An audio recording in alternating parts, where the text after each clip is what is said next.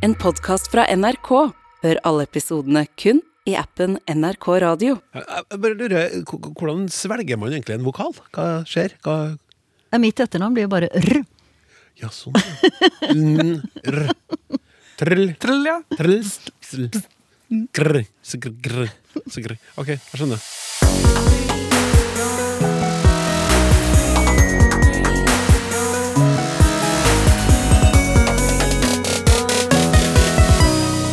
For å kunne holde sammen livet ut, må man da dø samtidig? Hvorfor holder det ikke lenger med et enkelt takk? Spiser dagens unge programledere opp flere vokaler enn sine forgjengere? Og hvordan tolker hjernen forskjellen på ja da og ja da?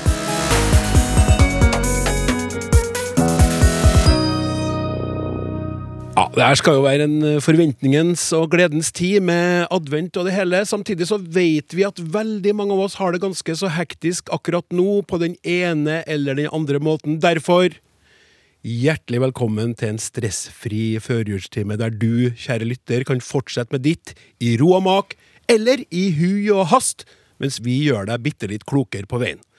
Eller vi og vi. Det er iallfall tre stykk i Studio 13 på Tyholt i Trondheim som er i stand til å bidra i så måte. Språkforsker Toril Oppsal, forfatter og språkviter Helene Uri, og overlege ved nevrologisk avdeling på St. Olavs hospital, Sigrid Botne Sando. Velkommen, alle tre. Tusen takk. Sigrid, hvordan kan stress påvirke evnen vår til å kommunisere? Ja, det kan nok påvirkes på mange måter. Mange syns når de blir stressa at det er vanskeligere å få fram det de vil. Og det kommer særlig til uttrykk hos personer som har afasi. Altså som til vanlig leter litt etter ordene. De leter mer etter ordene når de blir stressa, f.eks. når de kommer til nevrologen sin til kontroll. Ja, akkurat. Det der er interessant. Eh, Veldig. og kanskje ikke så rart heller. Men Toril, eh, hva er det som stresser deg mest nå i desember måned? Ah, Ja, det spørsmålet det kommer vi tilbake til i januar. ja, akkurat. Det, var, det var jo egentlig et eksempel på det som jeg skal spørre deg om nå, Helene. Hvilke grep gjør du for å unngå å bli stressa eller å havne i en stressa situasjon? I stedet for julebakst, så velger jeg julekjøpst.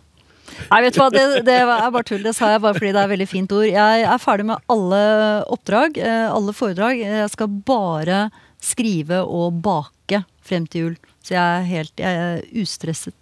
Å, så hyggelig for deg, eh, må jeg bare si. Spørsmålene sender du inn til snakk.krøllalfa.nrk.no. Det har Ida Eggen, eh, som bor på Elverum, gjort. Til Språksnakk. Jeg undrer meg på hvorfor er det ikke lenger godt nok å si takk? På radio og i TV sier programlederne nesten alltid 'tusen takk for at du ville komme', skråstrek delta, og gjesten 'tusen takk for at jeg fikk komme', skråstrek ble invitert. Hvorfor denne tendensen? Hvorfor holder ikke lenger et takk? Hvorfor holder ikke lenger et takk, Toril? Og nå skal jeg holde tunga rett i munnen og prøve å si takk og ikke tu... Men det ble tusen takk for det spørsmålet. Veldig godt spørsmål. Eh, Dette henger nok sammen med at vi har en jobb å gjøre når vi kommuniserer. Og det er å finne et perfekt balansepunkt mellom å uttrykke det vi ønsker på en klar og forståelig måte, og så skal vi få unnagjort den jobben vi skal gjøre. Og på toppen av det hele så har vi også en sånn ekspressiv dimensjon.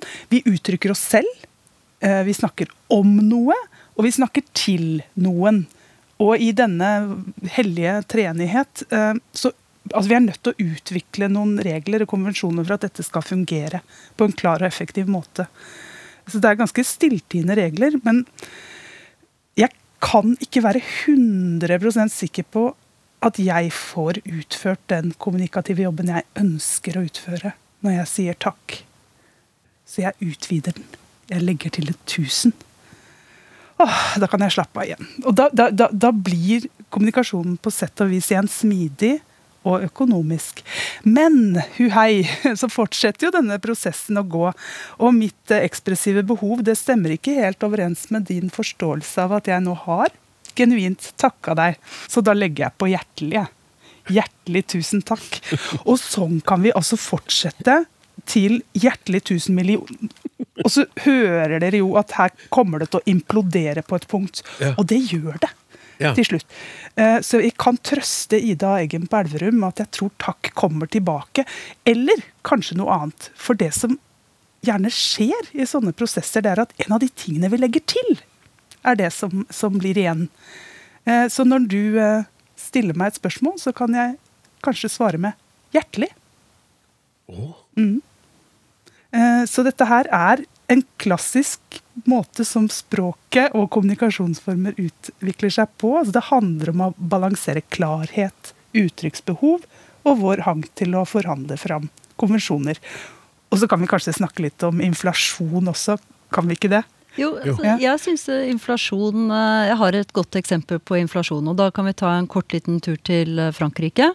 Eh, fordi det heter jo très bon, ikke sant, for eksempel. Og très betyr jo veldig, og det er, eh, det er ikke noe sterkt ord. Men hvis vi går tilbake til røttene, så kommer jo dette fra latin trans.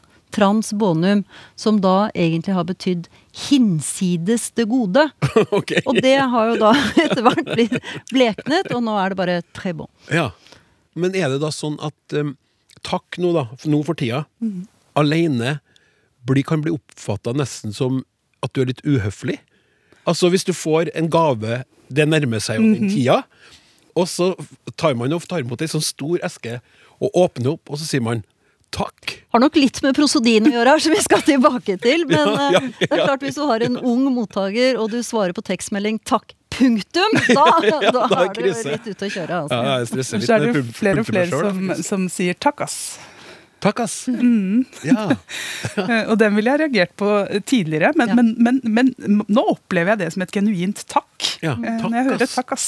Ja. eh, Hos uh, unge mennesker. ja.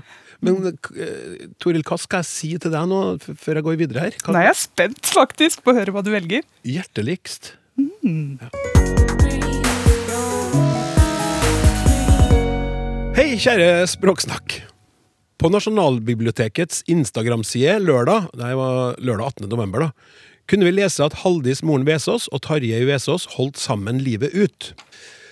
Den aktive karrieren satt heller ingen stopp for at hun skulle finne seg en kjæreste. I 1934 gifta hun seg med forfatter Tarjei Vesaas, og de holdt sammen livet ut, står det der.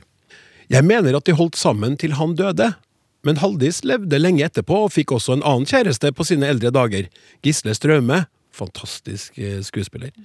Og da kan man vel ikke bruke uttrykket 'de holdt sammen livet ut'? Kanskje heller 'de holdt sammen til han døde', eller noe annet dere foreslår. Vennlig hilsen Vibeke Heiberg Knagenhjelm, du. Det var, et, det var godt sett og godt spurt, syns jeg. CC Cowboys. De har en Den sang så, som er- jeg så Jeg tenker kanskje du hadde fra, fra Halldis, Moren Vesaas og Tarjei og Gisle Strømme til CC Cowboys. Du så ikke den komme, Nei. men nå skal du få muligheten til å nynne med, for jeg har egentlig tenkt å bare sitere. Jeg liker akkurat deg, jeg liker akkurat oss. Jeg liker Beatles og Dylan, Led Zeppelin og Stones. Og jeg tror det vil vare livet ut, og jeg tror det vil vare livet ut. Den kan, melodien kan ikke. Nei, det var okay. fin, fin tekst, da. Men her er det i åpenbart at eh, tekstforfatteren legger det samme i uttrykket som Vibeke. Mm. Dette skal vare hele livet. Og jeg er nok eh, kanskje tilbøyelig til å være enig med Vibeke her. Og hadde jeg skullet forfatte denne Instagram-posten, så ville jeg nok ha valgt et annet uttrykk. Jeg ville kanskje sagt de holdt sammen i mange år, eller de hadde et langt liv sammen. Eh, Men det er jo helt klart at dette uttrykket også kan leses på en annen måte. At livet ut betyr da deres liv sammen. Eh, altså Tarjeis og Haldis liv eller samliv. Eh, og da gir jo uttrykket mening, også på den måten som NB bruker uh, uttrykket på. Men jeg tror jo ikke det er noe klart uh, svar her, og jeg har lyst til å sitere mer. Jeg har lyst til å sitere Beckett. Korn legges til korn, ett for ett, og plutselig en dag er det en haug. Sitat slutt. Og, eh, og beveggrunnen for dette sitatet, det er jo ikke bare for å jåle meg til med høykultur her, det er når blir det egentlig en haug? Eh, og det tror jeg det er, det er på samme måte med uttrykket 'livet ut', brukt om ekteskap eller forhold. Det har ikke egentlig en klar definisjon. Nei, Nei. men hvis jeg skal si som eh, programlederen her, da, representanten for uh, lytteren kanskje, da, så, så hvis jeg får høre det om noen, da, la oss si et ukjent par. De var gamle, og de var, men på slutten av dem, de var så glad i hverandre, og de holdt jo sammen livet ut, de to.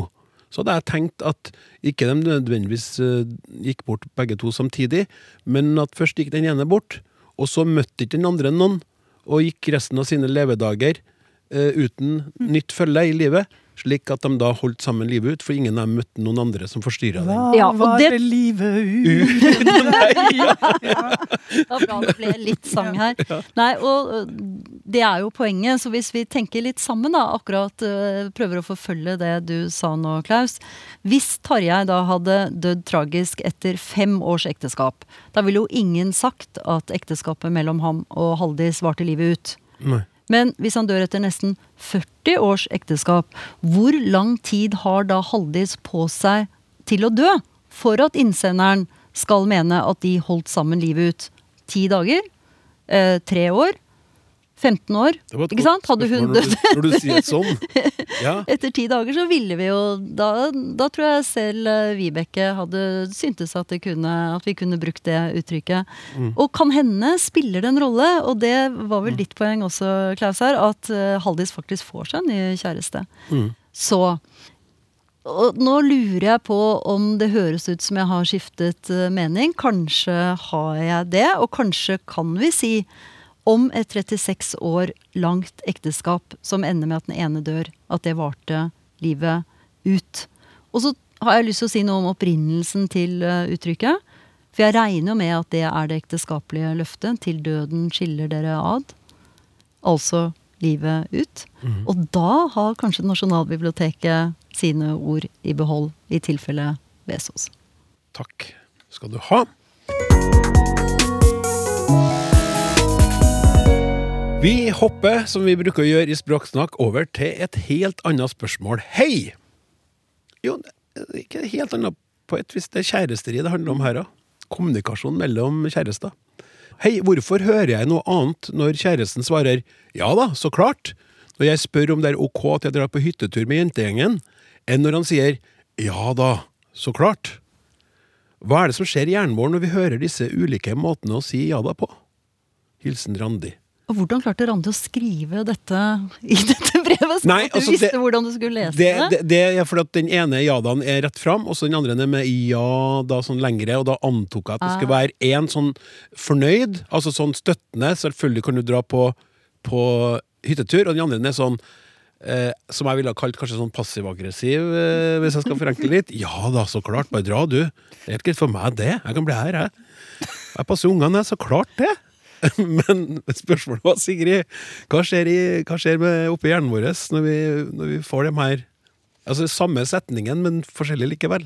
Veldig interessant spørsmål. Det må jeg si veldig godt spørsmål. Og her er det helt sikkert at det skjer noe i to hjerner.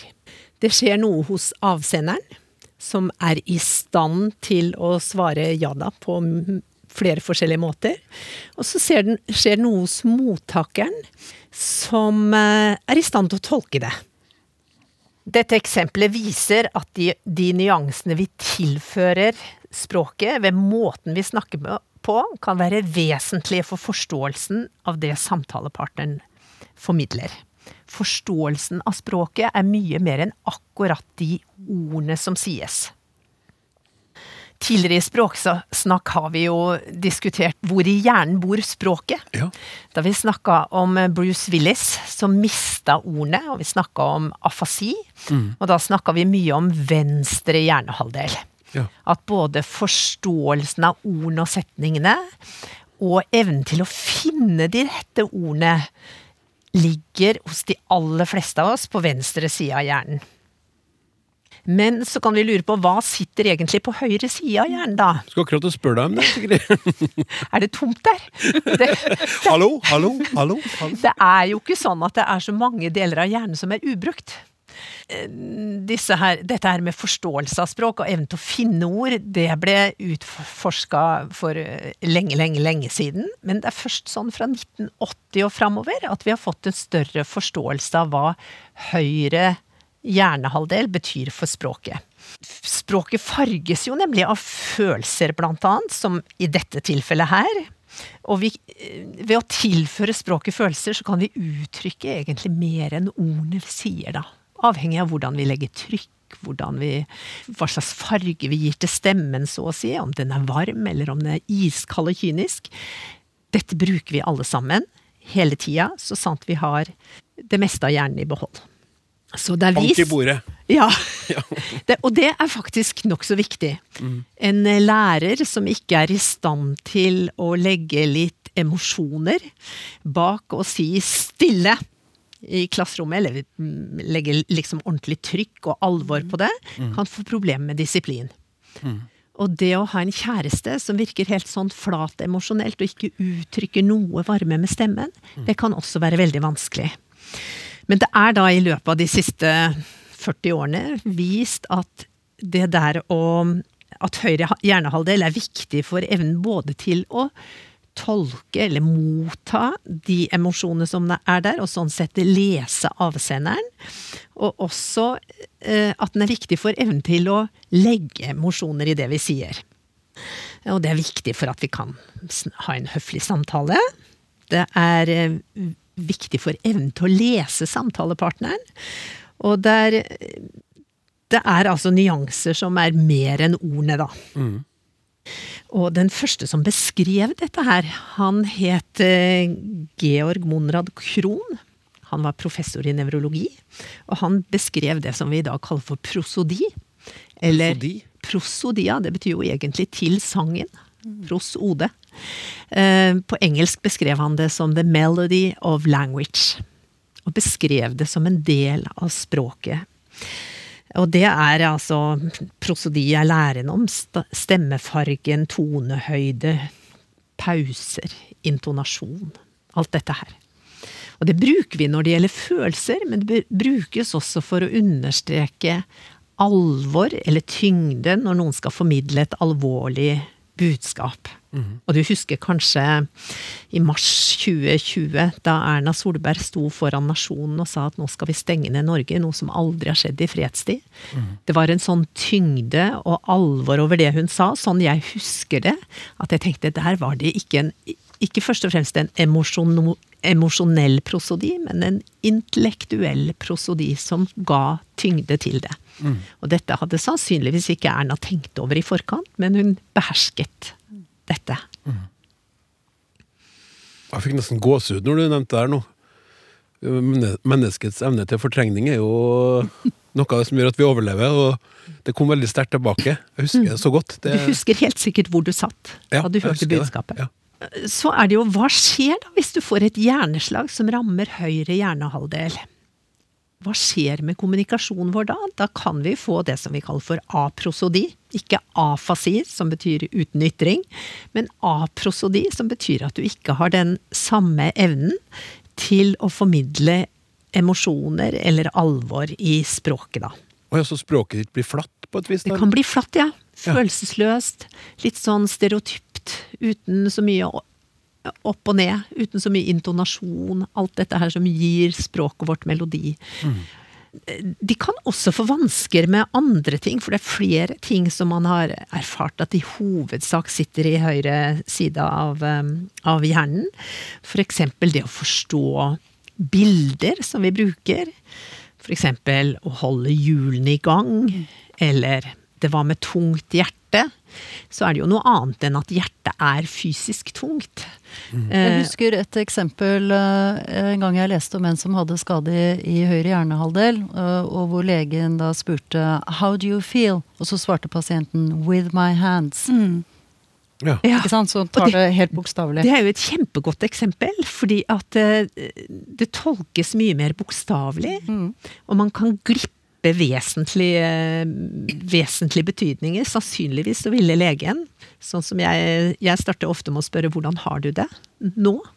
Og da går det jo på i forhold til sykdommen og alt dette her, men I feel with- my hands. Det blir Ja. eh, konkret forstått, da.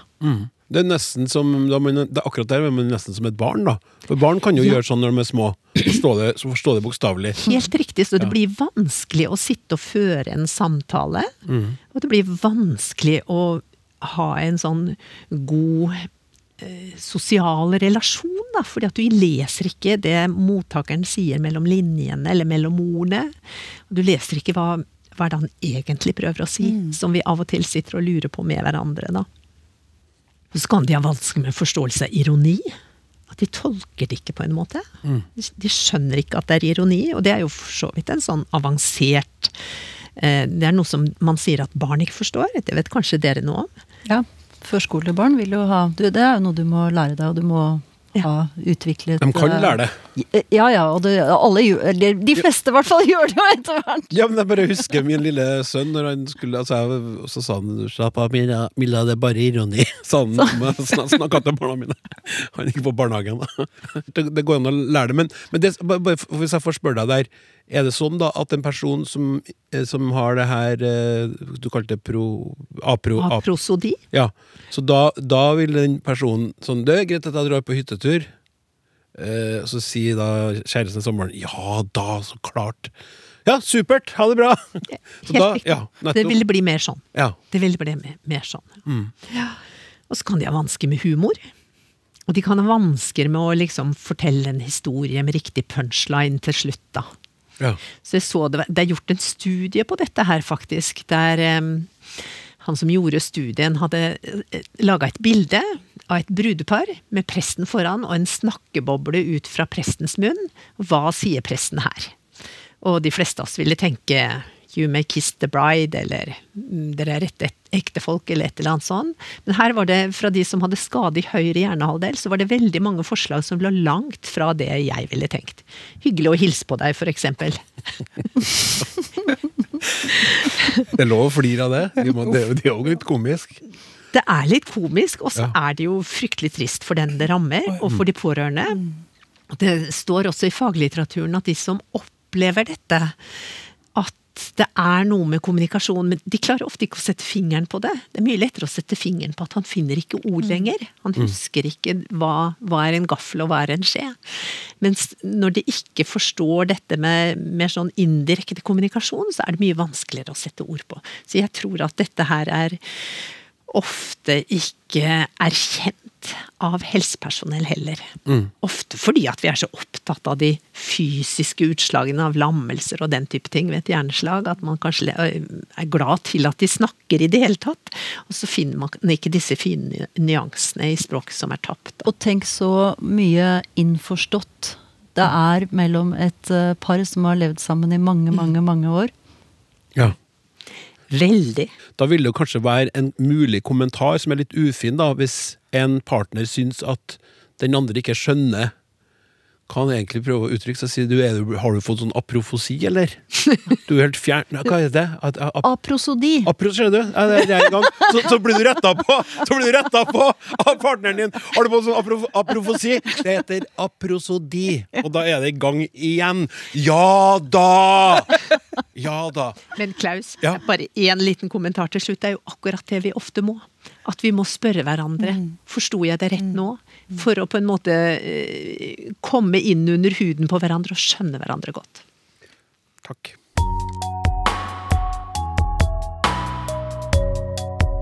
Jeg heter Jørgen, og mitt favorittord er harmoni. Harmoni er et sånt ord som tar opp i seg så veldig mange forskjellige ting.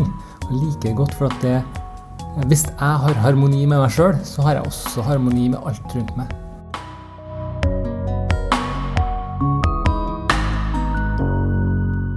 Var fint sagt, må jeg få si. Hei sann, Språksnakk. Jeg lurer på hvorfor ord som eh, innovasjon, indeks eh, og initialer kun har én N og ikke to, som de aller fleste andre norske ord. Med vennlig hilsen Kristoffer Sørdal, Kristiansand. Toril. Kristiansand. Kristiansand. Ja, strålende spørsmål. Um, IN. Og, og er, da, merker jeg med en gang at dette er litt vanskelig å snakke om, fordi det handler jo om eh, staving. Eh, men, eh, men jeg skal gjøre så godt jeg kan. IN. Det er et prefiks fra latin. med to betydninger. Det ene går i retning av i eller inn, og det andre er det negative. Ikke eller u. Og Den negative varianten den kjenner vi vel igjen når vi er litt indisponert. Da er vi definitivt litt u. Mens den første det er jo utgangspunktet en preposisjon. Eh, Denne inn, når vi installerer, f.eks., da legger vi inn noe. Bredbånd eller hva det er vi ønsker oss, og innretter oss slik. Og når vi invaderer, så trenger vi inn eh, i et annet land, f.eks. Men så er jo trøbbelet her, som Kristoffer eh, Sørdal indirekte, eller indirekte er inne på. Altså Vi har adverbet inn, og det har vi hatt lenge i norsk. Det er godt kjent fra norrøn tid. Og det har en haug av betydninger og bruksmåter. Og det inngår, INN går, i sammensetninger som eh, inntjene og innvie, og nå har vi vel snart en innmarsj og eh, ja. Altså, det er slik at de ordene som staves IN, de gir oss en pekepinn på at dette er ord som er fremmedord. De er av latinsk opphav. Eh, mens de som skrives med INN, er arveord. Og interessant nok så er de ordene som er lånt inn med IN, ikke INN, de er ofte lånt inn som hele størrelser. Eh, Så det er ikke bare prefikset, men, men hele ordet vi har, eh, vi, har, vi har tatt inn i norsk. Og så er jo saken den at Kristoffer Sørlav han spør som de fleste andre norske ord. Jeg vil vel si at indeks og invasjon er norske ord, men de er norske ord på en litt annen måte. Og de har blitt norske ord litt seinere enn innmarsj, f.eks. Og så har vi et moment til her. Eh, og det er ja, Kristiansand, mm, Oslo mm. Altså noen norske talemål vil jo ha førsteleddstrykk på alle disse fremmedordene. Og da passer det liksom med vår følelse av to ender. Um, Invasjon. invasjon og initialer og osv. Men skrivemåten er kan vi kanskje si at det er en sånn liten hilsen til oss, med opplysning om hvor dette ordet kommer fra. Det vil jeg si. Ja. Rett og slett informativt. Informativt. Informativt. Er det noen som vil ha legge til noen ting? Nei, det motsatte av eh, ineffektivt, dette her. Veldig bra. Vi har eh, bedt eh, lytterne våre å sende inn eh, spørsmål knytta til jul, og det har jo noen da gjort. Sør i Rogaland er det eldgammel tradisjon å gå lossi, lussi, den 12. eh, desember. En slags julebukk for barn som går utkledd fra dør til dør, synger en sang og får godterier som takk. Hva kan det språklige opphav være? Med vennlig hilsen Johan Åkre Egersund. Egersund, det er jo nærheten av hverandre, de her to nå, da. Ja, Lossi Lussi, det har jeg faktisk ikke hørt om før. Jeg har hørt om Kanskje jeg foregriper jeg litt nå, Helene? Lussekatter, men det er jo dagen etter. ja, men det er en sammenheng her. Ja, For her gir jo nettopp datoen en eh, pekepinn. For uh, Johan Åkre han skriver at barn går lussi den 12. desember, og det er jo natt til den 13. Og den 13. vet vi jo er minnedagen for en helgen som har betydd mye også for oss protestanter her i nord, nemlig Sankta Lucia. Eh, og natten til den 13. desember kalles Lussi-natten, eller også Lussi-langnatt. Som er veldig fint, eh, fine ord, syns jeg. Og ifølge mytene, vi vet jo at det ikke er sånn nå, da, med nye kalendere og sånn, så er det den lengste natten i hele året. Dette, det vi spiser på Lucia-dagen, det er jo nettopp lussekatter. Og lusse, det kommer jo av navnet Lucia, selvfølgelig. Jeg kom på en, en legende Har dere hørt den? Uh, som sier at det var en hedning som ble så betatt av eh, Lucias vakre, vakre øyne. Og det ville jo ikke Lucia, hun var jo så from, hun ville jo ikke ha noe av denne beundringen her. Så hun rev ut øynene sine. Og Derfor er det jo ganske mange malerier av Sankta Lucia med øynene på et fat. Og så hørte jeg at eh, rosinene i lussekatter de symboliserer Lucias øyne. Så mistet jeg litt appetitten!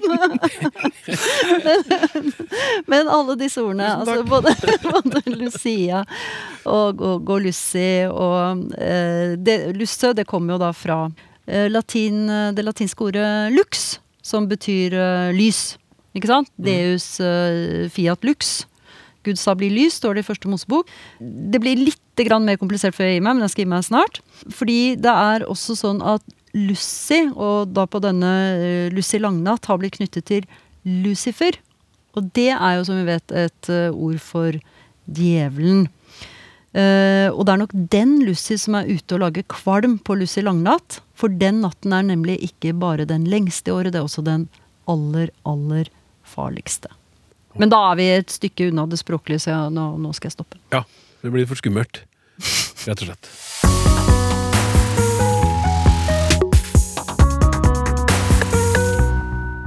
Ja, vi har fått inn eh, noen lytterinnspill her. Jeg skal først til en eller et smekk. Hei, Språksnakk. I programmet den 27. november var det en av deltakerne som sa at han slo flere fluer i én smekk. Den deltakeren var eh, meg. Og så skriver innsender Da tenker jeg umiddelbart på buksesmekken. Å ha fluer der må da være utrolig irriterende og plagsomt. Heter det ikke 'flere fluer i ett smekk'? Hilsen Olav Leite. Jo, det gjør det sikkert, Olav. Og siden du nå har påpekt noe som du har helt rett i, så skal du også få lov til å, til å komme eh, på lufta med et annet innspill. For du skriver også eh, i det, om det samme programmet eh, at vi nevnte ordet bestetante, som vel eh, må bety det samme som grandtante. Dette var et fint ord. Det var jo eh, Trine Skei Grande som har, eh, som har løfta frem det. Og så skriver Olav videre, og det er litt morsomt at på spansk sier de nesten det samme, nemlig tantebestemor. Tia abuela. Og så var det en lytter til som skrev om det her, og det syns jeg også var veldig koselig, nå når det nærmer seg jul og greier. Jeg blir lette rørt. Hei! Mitt barnebarn kaller sine foreldre for mamma og pappa, mens jeg brukte far og mor i min tid. Siden, jeg, siden besteforeldrene ofte velger andre ord på seg selv, Oma, Ulle, Bessen, er det vel fordi bestemor og bestefar kan virke som eldre personer, og det vil vi ikke være. Vi er unge mye lengre enn forrige generasjoner, tydeligvis. Men tilbake til barnebarnet Saskia, som skulle gi navn på meg som bestefar, men naturlig brukte sitt ord, bestepappa. Dette ble umiddelbart annektert av undertegnede, og det ble Beste-Maja til min samboer. Det har slått meg at i en tid hvor mamma og pappa er naturlig brukt, burde bestemamma og bestepappa også vært naturlig. Takk for et fint program. Hilsen Finn Sandven fra Haugesund. Det er jo en hel haug med folk fra nedi der som skriver så fine ting til oss. Takk, eller tusen takk, eller hjertelig tusen takk, eller tusen millioner takk skal dere ha, alle sammen.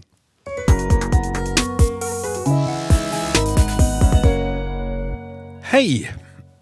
Det er mye snakk om håndskrift kontra tastaturskrift. Er dette noe som påvirker språket vårt? Mange mener at man lærer bedre om man skriver for hånd. Påvirker det også lesing og annen språkforståelse? Hva med nye landsmenn som skal lære språket? Dette har jeg lyst til å høre om på Språksnakk. Dere har vel for alt jeg vet tatt det opp allerede. Med vennlig hilsen Ane Skomsvold. Ikke på den måten vi skal gjøre det nå, i hvert fall, Ane, for her sitter Sigrid klar. Ja, her, her er det mange spørsmål, og jeg vet slett ikke om jeg Jeg er helt sikker på at jeg ikke har svar på alt. Men vi kan starte med dette med læring og hvordan vi noterer. For det går en debatt i forskningsmiljøet på om det er best å notere for hånd, og om man lærer mindre hvis man noterer på med tastatur, altså på PC eller nettbrett. Eh, og det finnes studier som sier at det er sannsynlig at vi lærer bedre ved å skrive for hånd, og så finnes det andre som sier det helt motsatte. Og som ellers i forskerverdenen så finnes det jo også noen som har tatt det nokså langt, da. Så jeg fant at det er en forsker i Michigan som heter Susan Dynarski. Hun hevder at de som bruker nettbrett og PC til notater på forelesningen, lærer mindre og får dårligere karakterer enn de, andre, enn de som skriver for hånd. Så på hennes forelesninger er det ikke lov til å skrive på tastatur. altså, og her strides som sagt de lærde, og det er ikke noe sikkert svar, og det er ikke sikkert det fins et uh, sikkert svar heller, for læring avhenger jo veldig mye annet enn notatteknikk. Både hvor motivert vi er, hvor distrahert vi er av andre ting. Uh, kan vi å skrive på tastatur, eller kan vi det ikke? Og hvordan det formidles, og tematikk, og det er, det er veldig mange ting som spiller en rolle, da. Men det er gjort noen studier på å se på sånn distraksjon hvis du skriver på PC. Sånn at hvis studentene som skal notere på PC, får lov til å såkalt eh, gjøre litt andre ting, såkalt multitasking, så er det vist helt sikkert at de lærer mindre. Det er egentlig ikke så veldig rart. Men det som også var interessant i den studien, var at de som satt ved siden av disse som såkalt multitaska og gikk litt hit og litt dit, de lærte også mindre. Det, det, det sprer seg. Så det sprer seg. Den der eh, multitaskingen sprer seg sånn at flere lærer mindre, og det syns jeg var nokså interessant, da. Det vi vet helt sikkert om læring, det er at hvis vi trener intenst på noen ting, sånn type pugge gangetabellen eller lese intenst til eksamen gjennom en uke, da blir hjernen mer effektiv til å lære. Det skjer noe fysisk i forbindelsen mellom hjernecellene. Hjerneceller eller nerveceller de formidler signaler til hverandre i noe som heter synapser. Det er forbindelser mellom hjerneceller, og de er ikke sånn forbundet med hverandre som to rør som går sammen. Det er en, et mellomrom, og så sendes det signaler over det mellomrommet, ofte kjemiske sig signaler. Ja. Og disse evnen til å sende signaler, eller til å motta disse signalene, forsterkes når vi trener intenst. Dette er ansett å være det biologiske grunnlaget for læring. Du kan, du kan trene hjernen din. Ja, man kan trene hjernen sin. Så når vi trener intenst, så trener vi læren, hjernen til å lære bedre. Og den blir mer effektiv til å lære. For jeg husker en ting som du snakka om sist, faktisk, Sigrid. Også det med at det, det å trene hjernen er en ting, men også det med å mosjonere og gjøre sånne De her sunne tingene også er veldig bra for topplokket. Det er bra for topplokket, men du, hvis, hvis vi tenker på Vi har mange flinke norske langrennsløpere. Og det, det er jo ikke det at de trener litt av og til. De trener intenst på små detaljer, og de blir bedre. Så det gjelder nok både motorisk læring og intellektuell læring. Og dette, dette fenomenet er faktisk også beskrevet første gang av en nordmann.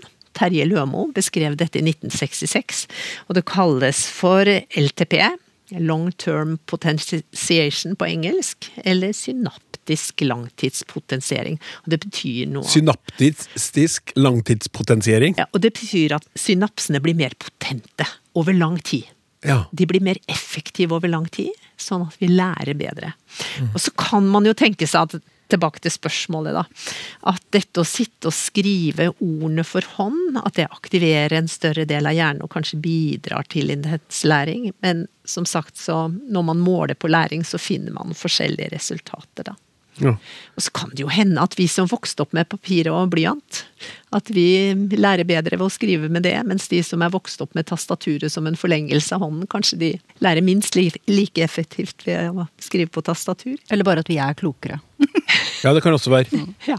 Jeg har bare et lite sidespørsmål, det er sikkert du kan svare på, men i en, en, en sånn kamp jeg har med meg sjøl for å være mindre på sosiale medier og sitte og bruke opp livet mitt på ting jeg ikke egentlig vil bruke opp livet mitt på, så har jeg lasta ned et sånt ordspill. Så at jeg i hvert fall gjør noe isteden. Så sto det, det for Reklamen for det ordspillet var at uh, det var hjelp mot sånn Alzheimer og sånn. Er dette Wordfeud? Nei, det er ikke Wordfeud. Det her er et enkelt, sånn, du har sånn sirkel med bokstaver, så skal du prøve å finne det- ord i det. og det er ganske enkelt, men det er ganske sånn god mestringsfølelse, for det går unna. Så nå er jeg på brett 578 eller noe sånt.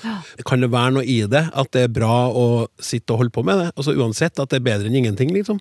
Altså, ja, altså All mosjon av hjernen, altså det å bruke hjernen til forskjellige ting, er bra. Det, det vet vi i forhold til, også i forhold til risiko for Alzheimers sykdom. Det er bra å trene fysisk, og det er bra å bruke hjernen til forskjellige ting. Jeg Ja. hørte på prosodien til Klausen at han veldig veldig gjerne ville at du skulle si ja, selvfølgelig. Ja, hun ja Han ville det veldig, Ja. veldig gjerne. Han ville det veldig, veldig, veldig Ja da, gjerne. ja da, ja da. Ja. Ja da. Jeg heter Live, og favorittordet mitt er snø. For det lyser opp i mørketiden, og man kan gå på ski. Språksnakk med Klaus Sonstad. Hei! Jeg har noen gang tenkt over hva ordet sladrehank kommer fra.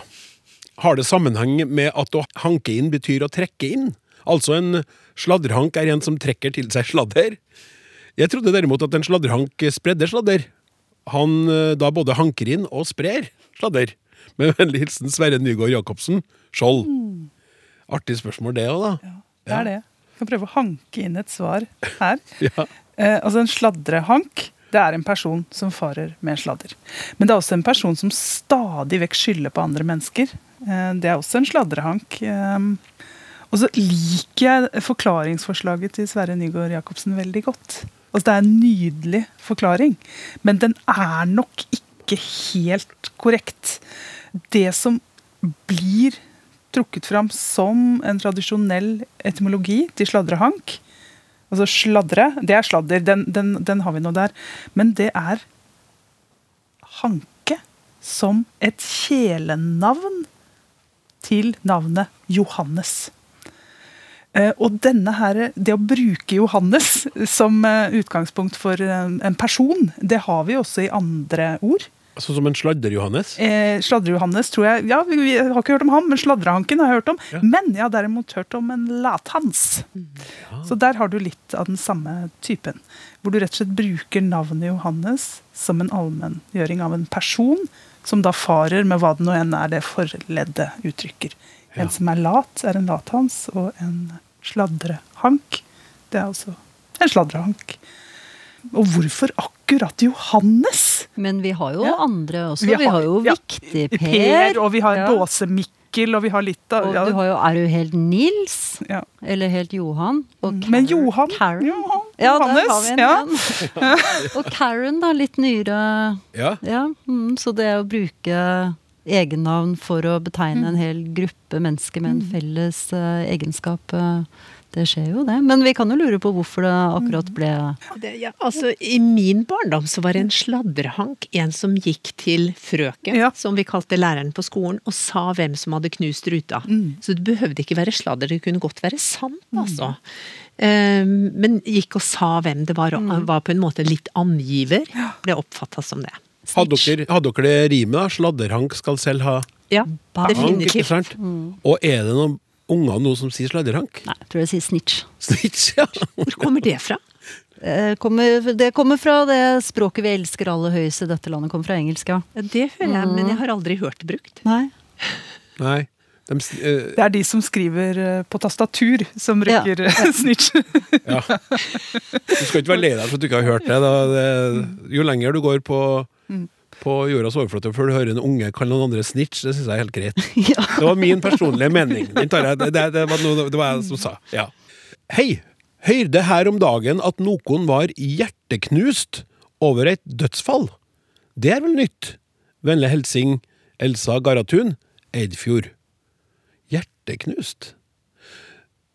Rinner meg i hu Du skal kanskje si det. Hjerteknuser av uh, Kaizers Orkestra. Vil du ha sang og musikk igjen? ja, vi likte det.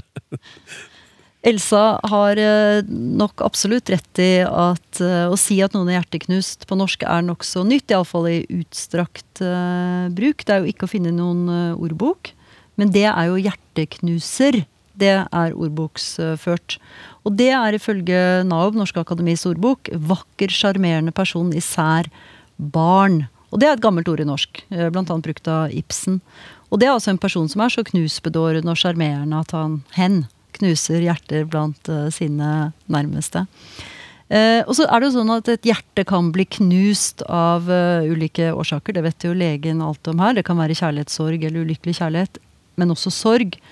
Og det er jo sånn ordet hjerteknus blir brukt i moderne norsk. Som i det sitatet som Elsa serverer oss her i Språksnakk. Knust av sorg etter et dødsfall. Og her er vi påvirket av uh, engelsk. For på engelsk så har vi ordet 'heartbroken'. Og det er et ord som jeg tror de aller fleste nordmenn eh, kjenner til og forstår. Og her kanskje Klaus kunne nynne 'Heartbreak Hotel'. Jeg ville ha sunget Proclaimers jeg, med My heart is broken, my heart is broken, sorrow, sorrow Å ja, stoppe der, da. Vi har alle våre svake punkter. Jeg har jo egentlig nå veldig lyst til å si noe om lydoverganger og bryting og hertz og heart og hjerte og sånn, men uh, i stedet for å synge. Men, men altså uh, Det får bli en annen gang. kunne jeg sagt, selv om det knuser mitt hjerte. Men heartbroken, det betyr jo da nettopp uh, ute av seg av sorg. Så hvis jeg skal oppsummere, da, så er det sånn at vi, i betydningen både norsk og engelsk, deler metaforen et hjerte kan bli så sterkt påvirket av sterke følelser at det går i stykker. Og i norsk har vi allerede et etablert ord hjerteknuser, i en litt annen betydning, da riktignok. Vi kjenner ordet 'heartbroken' fra engelsk, og da er det veldig kort vei til å begynne å bruke 'hjerteknust' på norsk, i betydningen sorgtung eller sønderknust. Ja. Ja. Men hjerteknust, det likte jeg. Mm. Igjen min personlige mening kun, men det syns jeg fungerte direkte oversatt. Ja. Mm. Mm? Nei, jeg bare lurer på, jeg- sitter og ser på Kan et hjerte knuse? altså. Et hjerte kan jo i hvert fall få sår fysisk. Ja, ja, men- et hjerteinfarkt er jo et sår Ja. i hjertet, så det er jo noe helt annet, da. Det er jo et syndrom som heter broken heart syndrome, som, Mm. eh, hvor man blir fysisk eh, Altså hjertet blir fysisk eh, påvirket av en veldig, veldig sterk sorg. Det vet jeg, for det har jeg brukt i en roman som jeg har skrevet. Så det, og det heter et eller annet på japansk. Takotsuma. Nettopp. Akkurat det. Akkurat det. Jeg turte ikke å si det høyt, for jeg var ikke helt sikker på vokalene her, men eh, da er det det det heter. Sånn. Ja, ja. Og så avslutter vi med Bjørn Afselius. Allting kan gå i tu, men et hjerte kan gå i tusen biter.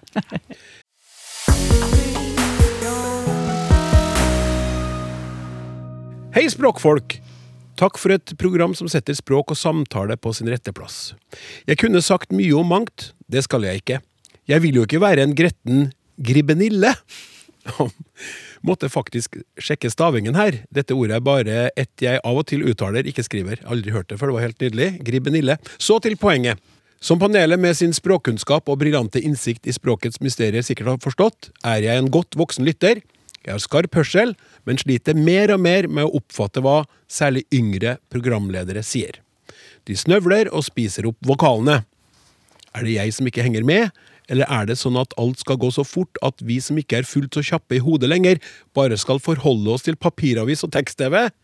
Hilsen Kjersti Brun, 59, ganske velfungerende hørende år. Ja, Sigrid, hva skal man si til Kjersti med tydelig stemme? Ja, men Må ikke du først kategorisere deg om du faller i da kategorien yngre programledere eller eldre programledere? Jeg er jo 53 år, men jeg tror at jeg, når jeg snakker sjøl, så kan jeg snakke litt fort noen gang. Men når jeg leser opp ting, så føler jeg at jeg er ganske tydelig og, og grei. Men jeg kan nok bli litt ivrig og snakke litt fort. På starten av språksnakkarrieren min så fikk jeg innspill på det. Eller, eller det var lyttere som sa du snakker veldig fort. Så jeg prøvde å roe meg litt ned. Av hensyn til dem, da. Ja, jeg er jo også en eldre lytter da, som 67 år gammel. Og jeg har også hatt opplevelser av at det er noen som snakker seg imellom på TV eller radio, og så skjønner jeg plutselig ikke hva, hva snakker de om nå? Og hva er, så, hva er det da som skjer? Eh, det var noe med ord som jeg ikke skjønte, kanskje ikke hadde hørt. Og så ble jeg sittende og lure på det, og så fikk jeg kanskje ikke med det som fulgte etterpå heller. Så har jeg lurt litt på dette her, da, og prøvd å lese litt. For det er jo sånn at eh, språket endrer seg litt fra generasjon til generasjon, da. Vi som er født i 1955 snakker annerledes enn de som er født i eh, 2010. Og det fins det faktisk en beskrivelse på. Det, eller et navn på. Det fins noe som heter kronolekt. Altså, kronos betyr jo tid, ikke sant, og en slags dialekt da, som påvirkes av hvilken tid man, eller hvilken eh, generasjon man hører til. Så kronolekt defineres som et språk som brukes innenfor en spesifikk aldersgruppe, f.eks. ungdommers måte å snakke til hverandre på. Og det kan det jo være at det er noe av det Kjersti Brun har oppfattet. Språket vårt anglifiseres. Det er stadig nye engelske ord som trekker seg inn, og, eller kommer inn og blir brukt mer og mer. Men det er også andre språk som på, påvirker det norske språket nå. Og det fins altså noe som heter etnolekt. Altså etnisk påvirkning av hvordan vi snakker, og det er knyttet til en gruppe fra et bestemt folkeslag som lærer seg norsk, men så påvirker det språket de har med seg, også den norsken de snakker. Så de blander språk fra morsmålet sitt med det norske. eksempel på det i Norge er noe som kalles for vollanorsk. Som jeg ikke kjenner så godt, som kanskje fins bedre mer av i Oslo. Eller kebabnorsk. Der det er andre språk som har påvirket språket. Og jeg er ikke sikker på at det er det Kjersti Brun har hørt, men i hvert fall både kan, kan både eh, alder og dette med etnisk påvirkning påvirker språket sånn at det blir vanskeligere for oss å oppfatte, kanskje særlig oss som ikke har ungdom i huset lenger, som introduserer disse nye måtene å snakke på, da. Jeg må komme med en bekjennelse, altså, men jeg syns også det kan være vanskelig innimellom å få med meg alt som blir sagt, fordi at det snakkes litt utydelig, og da er ikke nødvendigvis innslag av kebabnorsk eller noe annet. Det er bare at uh, det, diksjonen er kanskje litt uh, fraværende. Mm. Uh, da, og da, da, kjenner man jo på mm. alderen og det her Kronos, Kronos som Knuse, knuse oss. jeg hører lydbok ofte. Mm. Jeg hører for tiden en lydbok av Inge Eidsvåg, som har skrevet om I livets skole, rapport fra en avgangselev. Han er jo voksnere enn både deg og meg også. Og han hadde da en passus som jeg tenkte passa å sitere her. Han sier at eh, dersom vi vekker opp en som døde i 1955, som da var 80 år, og lar han høre på vår samtale, så er det mange ord han aldri har hørt før. Mm. For eksempel solfaktor. Eh, vi brukte spenol og vaseline, som han sa. Nettbrett. Likes. Lakseoppdrett. Minnepinne. Drone. Og fritidsproblemer. Det hadde de heller ikke i 1955. Og flyskam. Det er mange, mange ord som er nye, også som vi bruker som en selvfølge, som ikke fantes i 1955. Mm. Så språket er i endring, og det vil påvirke evnen vår til å oppfatte det som sies, kanskje spesielt av ungdom, da. Jeg satt og tenkte, reflekterte når du, når du snakka, kjempespennende å høre på. Men volla, f.eks., er et ord du ikke hadde et forhold til. Det er eh, et ord som har fått mange uh, nye funksjoner også. Nettopp i talespråket blant ungdom. Eh, men utgangspunktet er wallah. Jeg sverger ved Allah. Eh, mens denne Allah-gudstilknytningen, det er en betydning som har blitt bleika og har forsvunnet mer og mer. Eh, og det er også et ord du finner ordboksbelagt, er vel noe Helene pleier å, å, å si nå. Og det er nettopp et ord som kobles til typisk til de multietniske ungdomsmiljøene som du beskriver. Mm. Faren min klager over at jeg snakker fort. Det må jeg bare få rekke opp hånda og si. Eh, jeg tror mye av dette handler om det du snakker om, Sigrid. Også noe Klaus var inne på. Dette med at du nå har et manuskript. Og at her har det skjedd noe også med radiomediet og sjangeren og det idealet vi forholder oss til. Det skal være en hyggelig prat. Vi skal være nære og ja, løse og ledige. Løse og ledige, Spille på hverandre. Og hvis noen hadde sett oss nå, det tenker jeg på, for det er så mye gestikulering og mm. Ja, det er fascinerende. Så det er, det er, rett og slett det med det, det forberedte, det manuskriptfestede språket som vi hører mindre av. Og da spiser man fort uh, vokaler også, uh, tror jeg, når det går, uh, går, raskere. Og mye mindre alvorstungt å skulle være med i radio eller TV ikke sant, strøket slipset og tatt ny permanent før de stiller opp og er så forberedt. Og da snakker man jo selvfølgelig ekstra tydelig med ekstra god diksjon.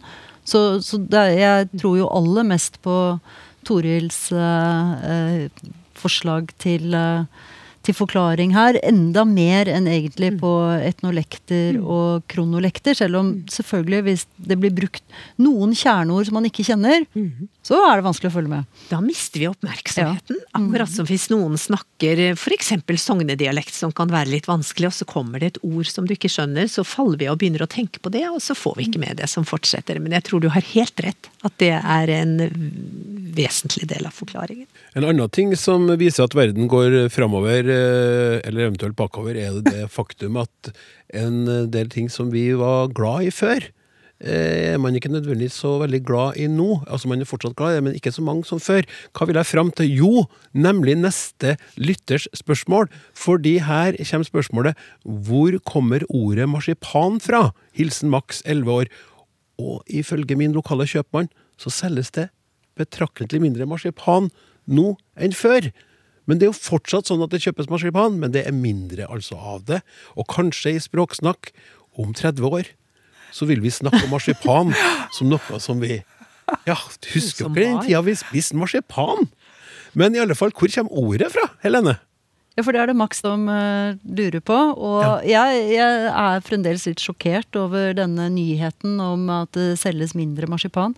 Jeg elsker marsipan, men det er jo veldig, veldig, veldig næringsrikt. Så derfor holder det jo med små mengder. En bitte liten gris, f.eks. Og derfor blir også dette svaret til Max ganske kort og lite. Eh, Jeg har alltid kanskje ikke alltid, men i hvert fall i voksen alder hørt at marsipan har ukjent opphav. Og det står jo også i Det norske akademis ordbok. Og så er det mange som har hørt at marsipan kommer fra Marcus brød, altså det latinske marsipanis, hvor marsi da er gentisformen av markus, og panis er brød. Og panis kan vi jo kjenne igjen på f.eks. det franske altså pain, som betyr brød. F.eks. For eksempel eh, pain au chocolat, som nå selges på enhver eh, kaffebar, og som uttales sånn, iallfall hvis man skal eh, si det på noenlunde fransk. Og ikke chocolate pain, som jeg hørte her eh, forleden. Ja.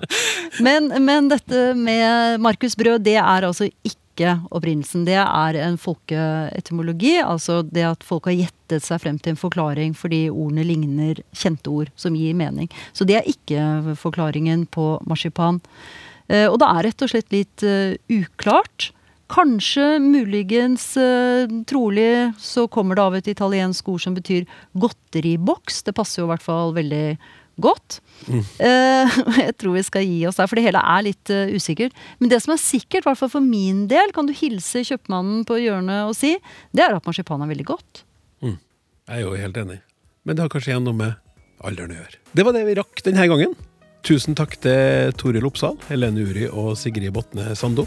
I redaksjonen tekniker Martin Våge, journalist Randi Lillealteren, produsent Hilde Håbjørg. Jeg heter Klaus Sonstad. Vi snakkes!